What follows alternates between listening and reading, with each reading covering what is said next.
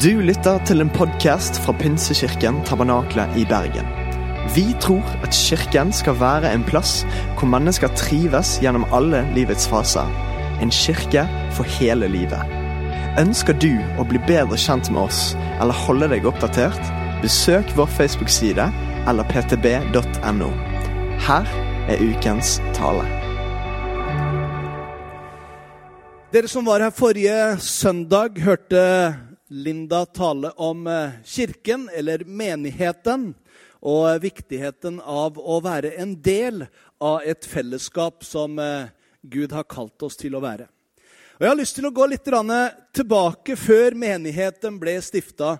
Eh, hvordan ble menigheten til, og hva var det som gjorde at eh, menigheten kom sammen og ble etter hvert det som vi kjenner i dag som kirke eller menighet? Eh, og når du tenker kirke, så kan det jo være du ser for deg et bygg med spir eller fire vegger. Men når jeg snakker om kirke, eller når du hørte om kirke forrige gang, så hørte du at det er ikke de fire veggene, det er ikke bygget som er kirken egentlig, men det er oss som er mennesker av kjøtt og blod. Eh, og eh, når Jesus snakker om kirke i den nye pakk, så snakker han om at vi er et tempel for Den hellige ånd som bor i oss. Så vi som er sammen, får lov til å tilhøre og være kirke. Når Jesus gikk her nede, så møtte han eh, mennesker. Og jeg har lyst til å dele litt om det i dag, og om disippelskap. Men det overrasker meg, det møtet som mange fikk med Jesus.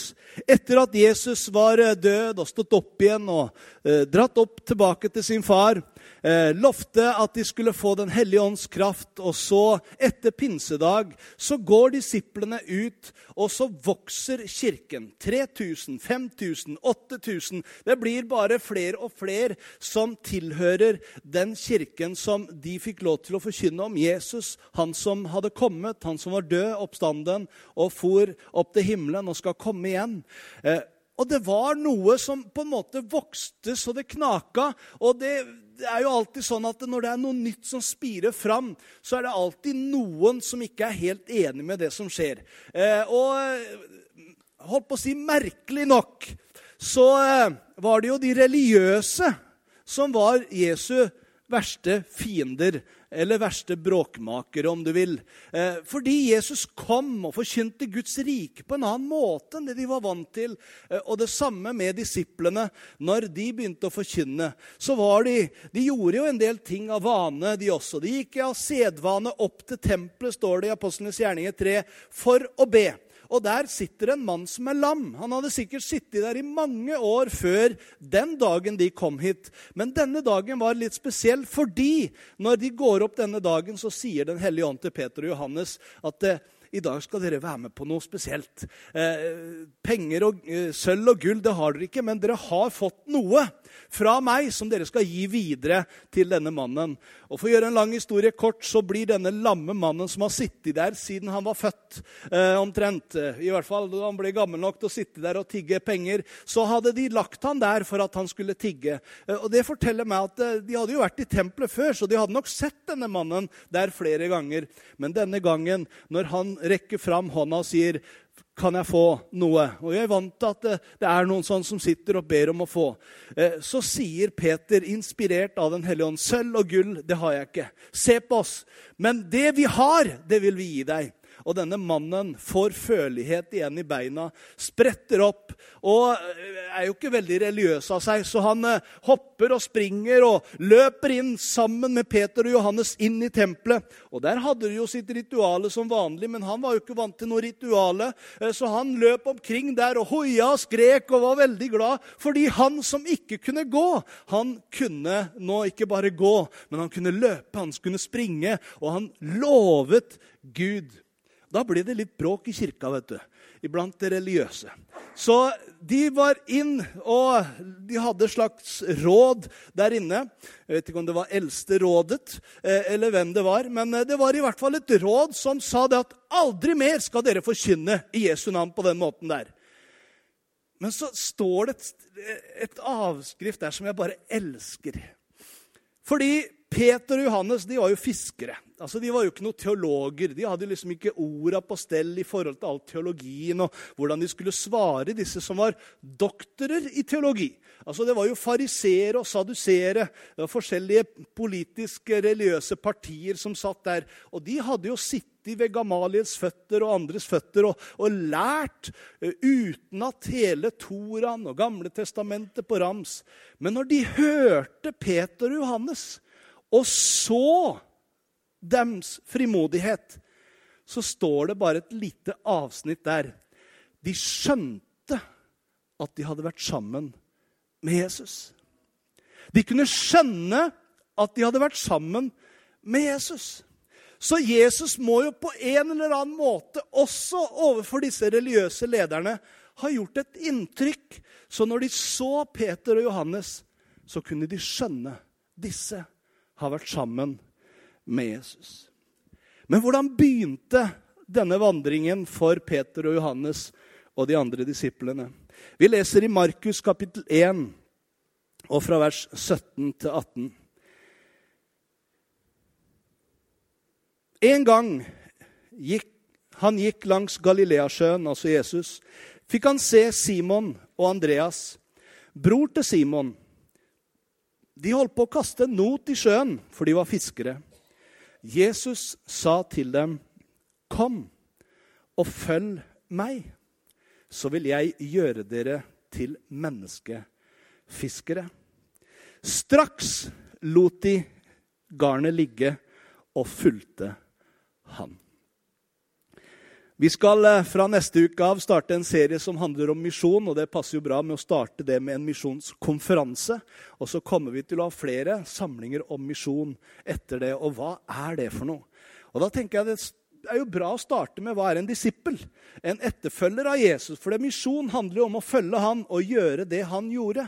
Eh, og det som fascinerer meg, er at disse menneskene de møter en mann som bare går forbi. Han er annerledes. Det er noe med denne mannen. Og så kommer han midt i deres arbeidsplass, ved fiskebåtene, og så sier han bare 'Bli med meg, ja. Følg meg.' Og Så vet jeg ikke hvordan det hadde vært med deg om du bare hadde sluppet alt, men det står at da lot de garnene ligge, og så fulgte de han. Fra dag én. Det var noe med denne som tiltrukk dem, som gjorde at det, Han her, han er en spennende kar. Han vil vi følge. Tenk å være en av de første disiplene til Jesus. Helt vanlige mennesker som deg og meg.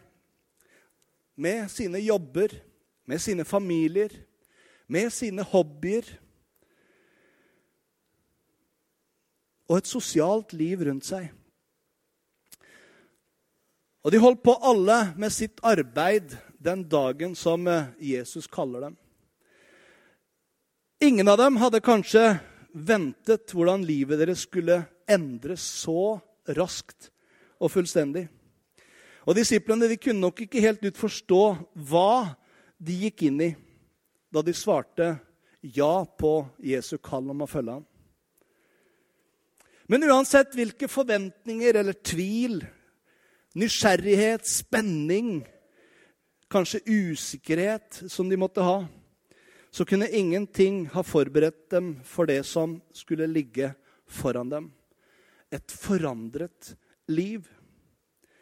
Alt om Jesus, hans undervisning, hans medfølelse overfor mennesker, hans visdom, klokskap, hans liv, hans død, hans oppstandelse, hans makt og autoritet. Ingen kan tale sånn som denne mannen, ble det sagt om han.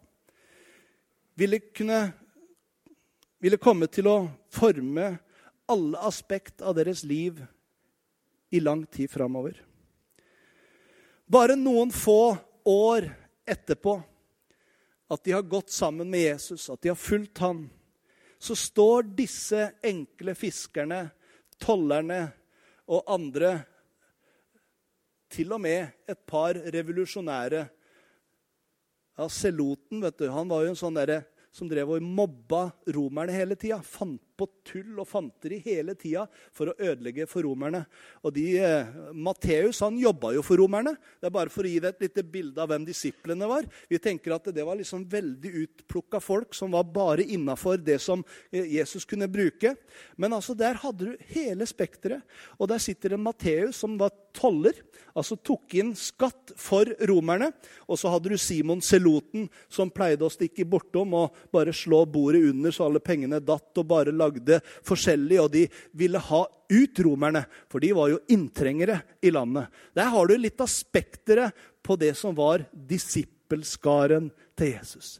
Men alle disse med sine forskjeller, med sine bakgrunner. De ble så betatt av Jesus at de valgte å følge han. Og også seg imellom så ble livet deres forvandla. Disse menneskene, bare noen få år etterpå, ville stå foran keisere, foran store personer, mektige personer. Og de skulle til slutt bli beskyldt for at disse som oppvigler hele verden, har også nå kommet hit. Apostlenes gjerninger 17 vers 6. Det som begynte med en enkel lydighetshandling mot kallet fra Jesus om å følge han, endte opp med å endre hele deres liv og til slutt den verden som de var en del av. Tolv enkle mennesker fikk lov til å bety en forandring i den daværende verden. Hva var det de hadde sagt ja til? De hadde sagt ja til å være Jesu disipler. Og hva er en disippel for noe? En disippel kan vel kanskje i dag eh, oversettes bedre med en lærling. En student eller en lærling. En som eh, lærer et yrke av en annen. Det er jo en lærling. En snekkerlærling f.eks. går sammen med en byggmester eller eh, tømrermester. Og så lærer han av han hvordan han skal holde hammeren. Jeg husker, jeg har jo ikke holdt på så lenge med det, men jeg hadde ett år sånn der, annerledes år som jeg fikk lov til et halvt år av dem være med å bygge et hus fra bånn og opp. Og jeg, og jeg, kunne jo ikke så veldig mye, så det første han lærte meg, da var når jeg skulle slå med hammeren. Så holdt jeg jo litt sånn midt på hammeren, for jeg tenkte at der fikk jeg liksom balansen. Og det første han så han snekkeren, han sa 'Du holder hammeren feil', sa han. 'Du får ikke noe slag på hammeren sånn'. Du kommer til å slå deg i hjel med hammeren. La hammeren gjøre jobben, sa han. Og jeg tenkte, hva, hva er det for noe? Jo, sa han, og så viste han meg hvor på hammeren jeg skulle holde. Du vet dette, ikke sant? Og plutselig så liksom Det var, var nok med få slag, og så gikk jo spikeren inn. Bare en sånn enkel ting. En lærling. En går sammen med, lærer av den andre hvordan han skal gjøre det. Disiplene de gikk sammen med Jesus. Og i møte med Jesus, i møte med hvordan han gjorde ting, hvordan han sa ting, hvordan han behandlet mennesker, så fikk de lov til å gå i lære hos mesteren og fikk lov til å bli etter hvert som han. Det er ikke rart at de sier om disiplene noen år etterpå De kunne skjønne at de hadde vært sammen med Jesus.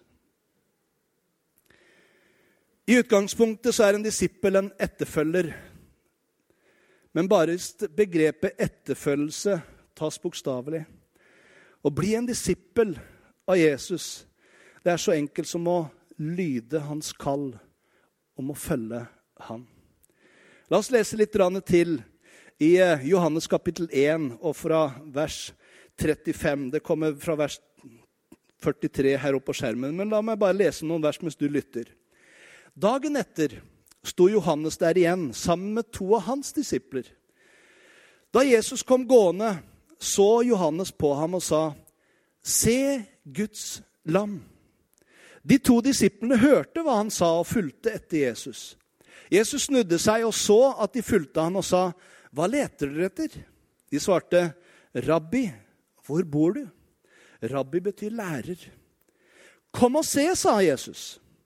De gikk da med han og så hvor han bodde, og de ble hos ham den dagen. Det var omkring den niende time. Andreas, Simon Peters bror, var en av de to som hadde hørt det Johannes sa, og som hadde fulgt etter Jesus. Han fant først sin bror Simon. Altså, han som etterpå er Peter, og sa til ham, 'Vi har funnet Messias.' Messias betyr den salvede. Dagen etter ville Jesus dra til Galilea. Da fant han Philip og sa til ham, 'Følg meg.' Philip var fra Betsaida, den byen som Peter og Andreas var fra. Og Philip traff Natanael og sa til ham, 'Vi har funnet han som Moses har skrevet om i loven,' 'og som også profetene har skrevet om.' 'Det er Jesus fra Nasaret, Josefs sønn.' 'Kan det komme noe godt fra Nasaret, da?' Sa Nathanael. Philip svarte, og jeg elsker uttrykket, 'Kom og se'. Jeg tenker av og til i etterfølgelse og det å få med oss noen til Jesus, invitere med oss noen inn. Du trenger ikke å være teolog for det. Du trenger ikke å være utlært for det. Ja, Du trenger ikke å ha alle svarene engang for det. Men tenk om du bare kunne si som Andreas eller Philip Bare bli med og se. Det gjør vel ingenting. Bli med en søndag, så får du høre sjøl. Så får du se sjøl, så kan du bygge deg opp en idé om hva du tenker. Og så kan vi få lov til å be om at de skal få møte Jesus og få lov til å se Jesus. Og Da Jesus kalte sine første disipler, så forsto de kanskje ikke hvor Jesus ville føre dem, eller effekten av hva han ville ha på deres liv. Men de visste hva det betydde å følge og være en disippel. Og de tok Jesu kall bokstavelig. Og de begynte å gå overalt hvor han gikk, og gjøre alt det han gjorde. Du vet, En disippel sammen med en mester er jo sånn at først så bare går du etter mesteren, og så ser du hvordan han gjør det. Etter hvert så gir eh, mesteren deg hammeren, så sier han 'Nå gjør du det'. Og så står han og ser på. Og så gir han deg noen råd om hvordan du kan gjøre det bedre. Og etter hvert så tar mesteren seg noen turer, og så sier han 'Nå gjør dere det, så kommer jeg tilbake', og så ser jeg hvordan det er etterpå. Og på den måten så ser du hvordan Jesus også utrusta disiplene. Han sendte dem ut to og to til hvert sted hvor han sjøl skulle komme. Og sa i hver by skal dere gjøre sånn og sånn. Og så kom han etterpå et, og fikk lov til å se hva de hadde gjort. Og så fikk de oppleve ja, men det fungerer jo. Det er jo som Jesus sa det skulle skje. Og så ble de betatt av Jesus og av det budskapet som han hadde. Det er umulig egentlig å være en etterfølger av noen og ikke bli påvirket av den personen. Og Jesus sa i Lukas 6, 40, en lærling eller disippel står ikke over sin mester. Men når han, han er utlært, så blir han som sin mester. Han forventer ikke at vi skal være ferdig utlært, men vi kan få lov til å gå sammen med ham. Og etter hvert som vi går sammen med ham, så blir vi mer og mer lik han. Og målet for alt arbeid i kirken Det står at Gud satte i menigheten først noen til apostler, profeter, evangelister, hyrder og lærere. Han gjorde det for å utruste de hellige så de skulle bli sånn som han. For de skulle utføre sin tjeneste. Og målet med tjenesten er at de skal bli han lik. De skal få lov til å bli representanter av Jesus i verden. Så hvordan blir jeg en disippel, etterfølger av Jesus? Hva skal vi gjøre, brødre, sa dem på pinsedag til Peter, når han står og forkynner evangeliet for de som eh, hadde korsfesta Jesus, for de som hadde fulgt han hele veien. Når Peter står og forkynner evangeliet og sier til dem at han som dere korsfestet, han har Gud gjort til herre og mester. Han kommer igjen, og vi er vitner om han overalt. Så sier folket, 'Hva skal vi gjøre, brødre?' Og Peter svarer dem, 'Vend om og la dere døpe i Jesu Kristi navn, hver og en av dere.' Så skal dere få tilgivelse for syndene, og dere skal få Den hellige ånds gave. For hvis du med din munn bekjenner at Jesus er Herre, og i ditt hjerte tror at Gud oppreiste ham fra de døde, da skal du bli frelst. Hver den som påkaller Herrens navn, skal bli frelst, står det i Romerne 10, vers 9-13. Hvilket oppdrag var det disiplene fikk etter at de hadde vært sammen med Jesus? Jo, Jesus gir dem oppdraget som vi kommer til å høre ganske mye om i de søndagene framover. Når han sier til dem i Matteus 28, 18-20.: Da trådte Jesus fram, talte til dem. Jeg har fått all makt i himmelen og på jorden. Gå derfor og gjør alle folkeslag til disipler. Døp dem til Faderen, Sønnen og Den hellige ånds navn, og lær dem å holde alt det jeg har befalt dere. Og se, jeg er med dere alle dager inntil verdens ende. Eller denne tidsalders ende, står det egentlig i grunnteksten. Og så kan man jo tenke at dette er for stort. Dette er for vanskelig. Hvordan i all verden skal vi greie det? Jesus, nå drar du opp til far, og så lar du oss i stikken her og gjøre all jobben alene. Du sier 'gå ut', og 'jeg er med dere', men du drar jo vekk. Og så har Jesus brukt de siste dagene han er sammen med dem, og fortalt dem om hvordan han kom. Og Det er en av de bønnene Jesus ber før han går til korset, som eh, blir kalt for Jesu yppersteprestelige bønn i Johannes 17. Og der sier han, 'Far, sånn som du sendte meg til verden, sånn sender jeg dem til verden'. Ja, hvordan var Jesus sendt til verden? Når du leser i Filipperne kapittel 2, så står det om at eh, Jesus han ga avkall på det guddommelig, altså det å være Gud lik. Han satt der på tronen i himmelen, og så står det han gir avkall på den rettigheten av å vite alt, kunne alt og bruke sin guddommelige makt i det han skulle gjøre. Han ga avkall på det, og så tar han en tjenerskikkelse på seg og blir menneske lik. Han blir sårbar, sånn som deg og meg. Han blir menneske, sånn som deg og meg. Han blir testa og prøvd, sånn som deg og meg.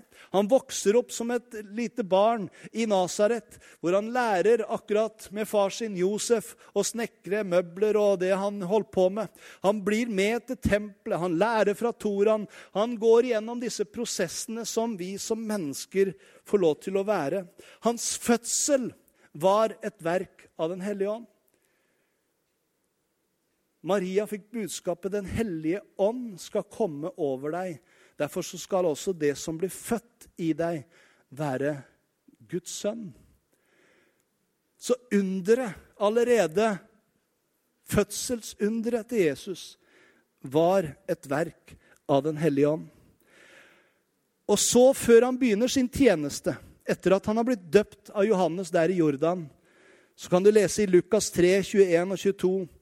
Hele folket lot seg nå døpe, og Jesus ble også døpt.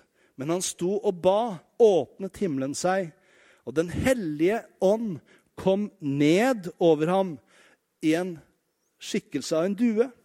Og en røst lød fra himmelen. Du er min sønn, den elskede. I deg har jeg min glede. Først ser du at Jesus var født av Den hellige ånd. Men før han begynner sin tjeneste, så kommer Den hellige ånd over ham.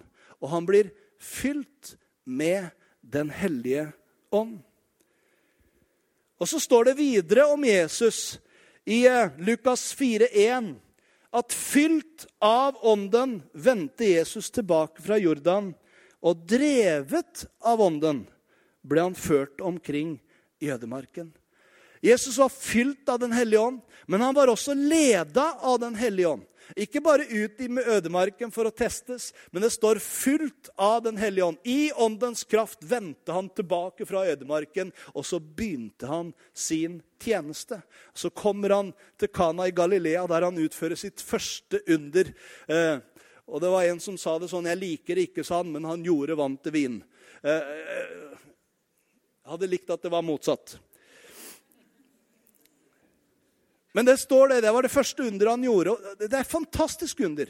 Altså Det forteller bare meg Jesus kom ikke bare for eliten. Han, han ville inn i familien, inn der hvor folk var. Og det første underet han gjør, det er i et nytt, herlig par, som vi fikk se her eh, lørdag for en ukes tid siden, som fikk lov til å si ja til hverandre. Og der ønska han å komme inn og vise dem fra dag én jeg vil være med dere i deres ekteskap. Jeg vil være en av de som følger dere på veien. Han var leda av Den hellige ånd. Og Det står ett uttrykk til i forhold til Jesus, hvordan Jesus var sendt. Vi leser det i eh, Lukas 4, det er også fra vers 14. I åndens kraft vendte Jesus tilbake til Galilea, og ryktet om han spredte seg over hele området. Herrens ånd er over meg, for han har salvet meg til å forkynne et budskap for fattige. Han har sendt meg for å rope ut at fanger skal få frihet og blinde få synet igjen, for å sette undertrykte fri og for å rope ut et nådens år fra Herren. Jeg tar med Johannes 20, 21 og 22 også. Som far har sendt meg, sender jeg dere. Så åndet han på dem og sa, ta imot Den hellige ånd. Så når disiplene blir sendt ut, så blir de sendt ut på samme måte som Jesus var sendt. Han sier, 'Jeg sender dere sånn som min far har sendt meg'. Jesus var avhengig av Den hellige ånd i sin tjeneste. Han kunne brukt sin guddomsmakt fullt og helt, for han var både hel Gud og helt menneske. Men han ga avkall på det, og så gjorde han seg avhengig av Gud, Den hellige ånd, i sin tjeneste, i sitt virke. Fordi at han på den også måten skulle kunne fortelle oss når dere velger å bli mine etterfølgere, så kan dere ikke gjøre det i egen kraft, men på samme måte som jeg får kraft fra Faderen til å gjøre det han ber meg om. Det han ber meg om, det er det jeg gjør. De gjerninger han ber meg å gjøre, det er de jeg gjør. Det han ber meg å si, det er det jeg sier. Og så fikk han lov til å være leda og fylt og inspirert av Guds kraft. Og så sender han dem ut på samme måte. Jeg sender over dere det som min far har lovet, sier han i Lukas 24. Men dere skal bli i byen til dere blir utrustet med kraft fra det høye.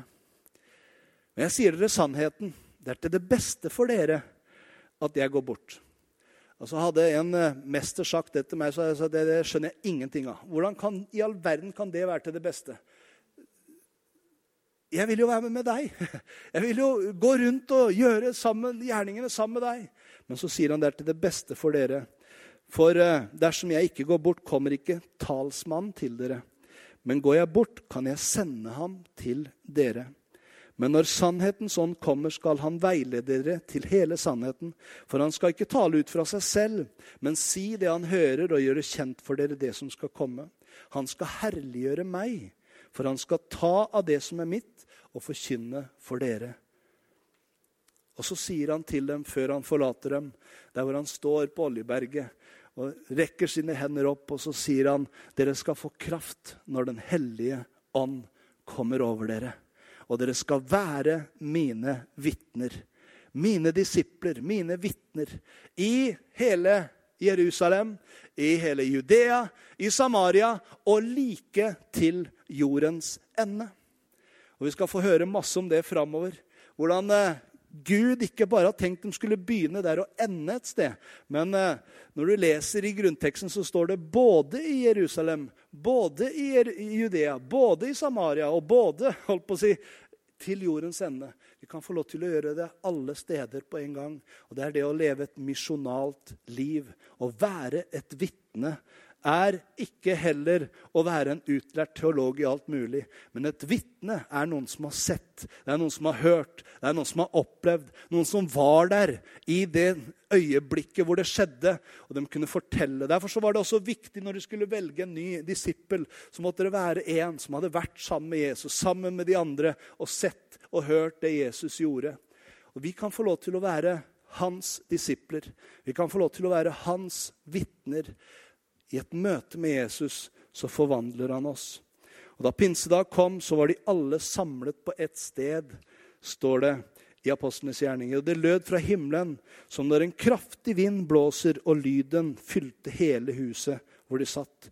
Tunger som av ild viste seg for dem og delte seg og satte seg på hver enkelt av dem.